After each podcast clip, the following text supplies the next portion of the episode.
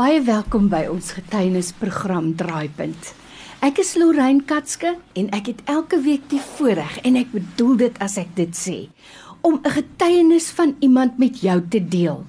En ek weet dat dit ook jou geloof stig en oprig. Weet jy hoe verkeerd het ek al gehoor dat iemand sê, weet jy, daardie getuienis was presies vir my bedoel. Nou onthou as jy 'n getuienis het, moenie nalat om dit met ons te deel nie. Jy SMS net vir my die woord draaipunt na 32716 dit kos R1 of so in die studio WhatsApp na 084 6141404 en dan bel ek vir jou terug. My guest in the studio today has been here before and I invited him to come back because so much was left unsaid. Mfiseko Mkila is with me in the studio again. Thank you for coming in and for sharing your testimony with us. Thank you so much for having me. Feels good to be back. I Amen.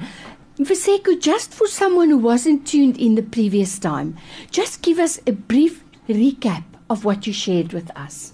The last time I shared about myself, I'm just coming uh, freshly from school and coming from the Eastern Cape, coming to Cape Town. And yes, of course, I've, I've heard about the gospel in, in, in Eastern Cape, but I didn't quite uh, take it seriously up until I came to Cape Town and then um, reintroduced to the Lord and gave myself to the Lord again.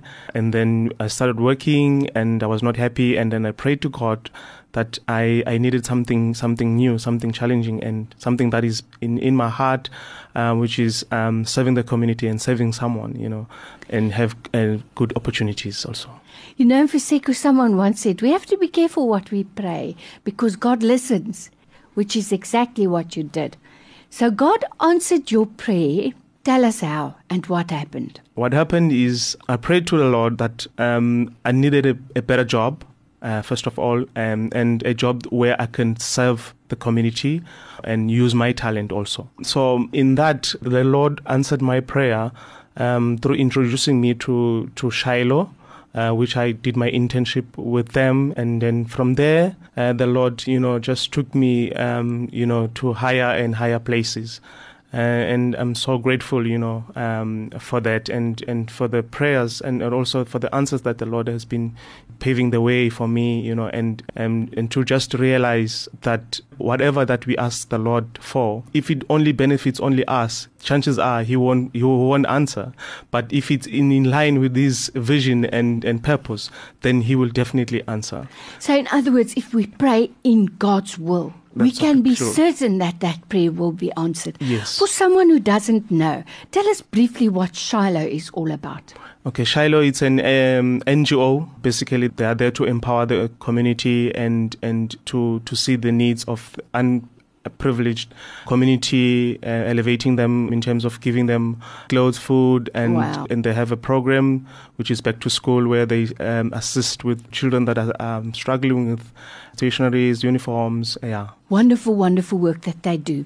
My guest in the studio today, Mfiseko Mkila, and he's sharing with you his answered prayer to serve people. Today, that is exactly what you're doing through your sports ministry. Tell us. That's true. Um, yes. And then after my internship with Shiloh, they financed my studies. So I went to study for sport administration with Boston College. And then after that, I was introduced to Koyasa Horizon Empowerment, which is situated in Stellenbosch, Kayamnandi, which is also an NGO, Christian organization, which is about Christian leadership in the community, Oh, wow. raising leaders which are Christian leaders that will also be working in the community and, and also doing the same thing, helping to raise Christian leaders also. So it's a um, discipleship making process where we have lots of departments. So I'm the sports coordinator, and then in our sport, we do actually um, sport ministry and through that we do it with ubabalo that is grace there's a, a equipment that we use uh, called ready set go ready uh, means that you get information and then set and then you are equipped on how to do it and then go You means go go, out. there and make disciples and that's the great commission that we were given You know, Mfiseko, this is precisely what South Africa needs. So, what an extraordinary vision. My question to you is what is the need out there? what actually the first and fundamental thing that people need is Jesus Christ in their lives. Amen.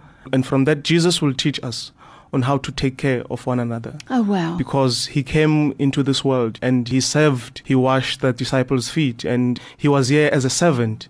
So, so firstly, everyone needs Jesus, and then um, to be to be saved also, and and come into a realization that they need the Lord Jesus Christ and um, accept Him as their Lord and Savior. Amen. And then the rest will follow, and and from that, Jesus will, will teach them.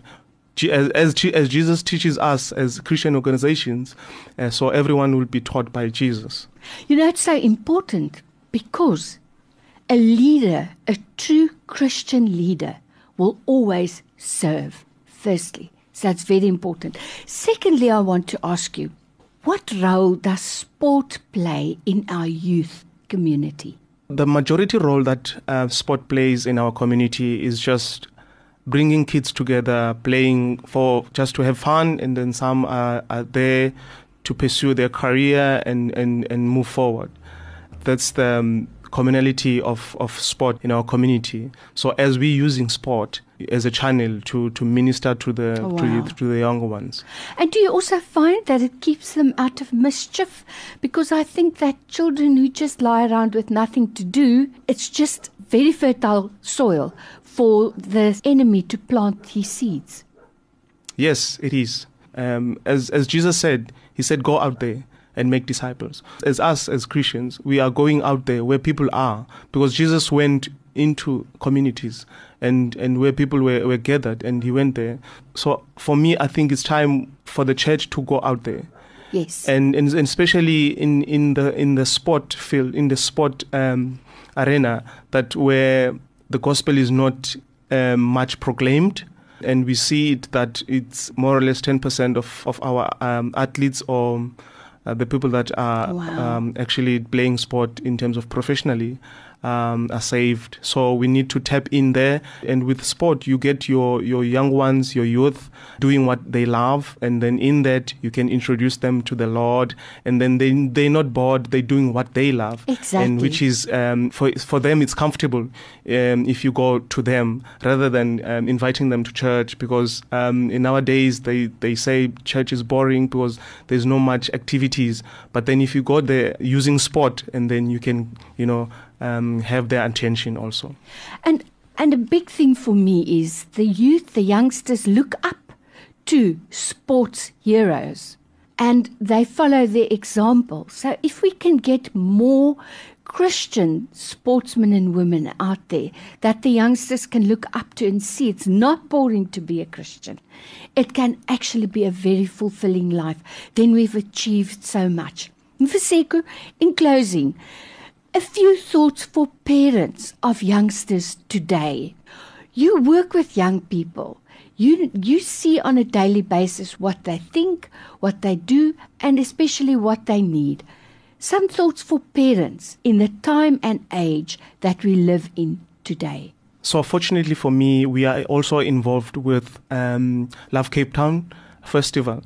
So we need to go to the cause root of why is our society uh, in this mess, Yes. um, which is broken families. Yes. So what what, what word that I can I, I can encourage parents to do is get involved in their ch- in their children's lives. First of all, love them and support them, and every now and then show them that they they belong and they they are being loved. Not judge them, but just love them out of the same love that Jesus loved us. Then we can curb, you know, um, these things that are, are happening in in our communities, because uh, youth and young people are running away from homes, running away from broken homes, because they they they needing a sense of belonging, True. a sense of acceptance. Yes. So um, people that are not good out there, they they actually meeting the need, which is being True. accepted. So, gangs, will invite them in and give them what they are actually looking for. exactly. Wow. Mfiseko Mkila with me in the studio today. What can we pray for? For you in your sports ministry, especially because we've got wonderful prayer warriors, and I can promise you they will pray for you.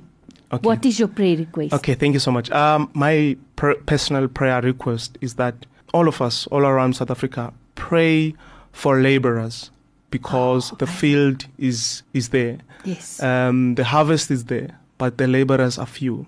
So if you can just pray for laborers, and then all will be good. Amen.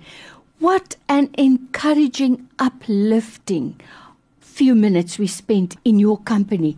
And Mfiseko, my prayers go with you as well. May God bless you richly. And I hope to hear from you in a few months' time again, because for us it's also very important to measure your wonderful influence and to see where we can help and to constantly pray as well. So thank you for coming in today. We truly appreciate it. Thank you so much for having me, ma'am. It's a truly pleasure to come, and it's a blessing also.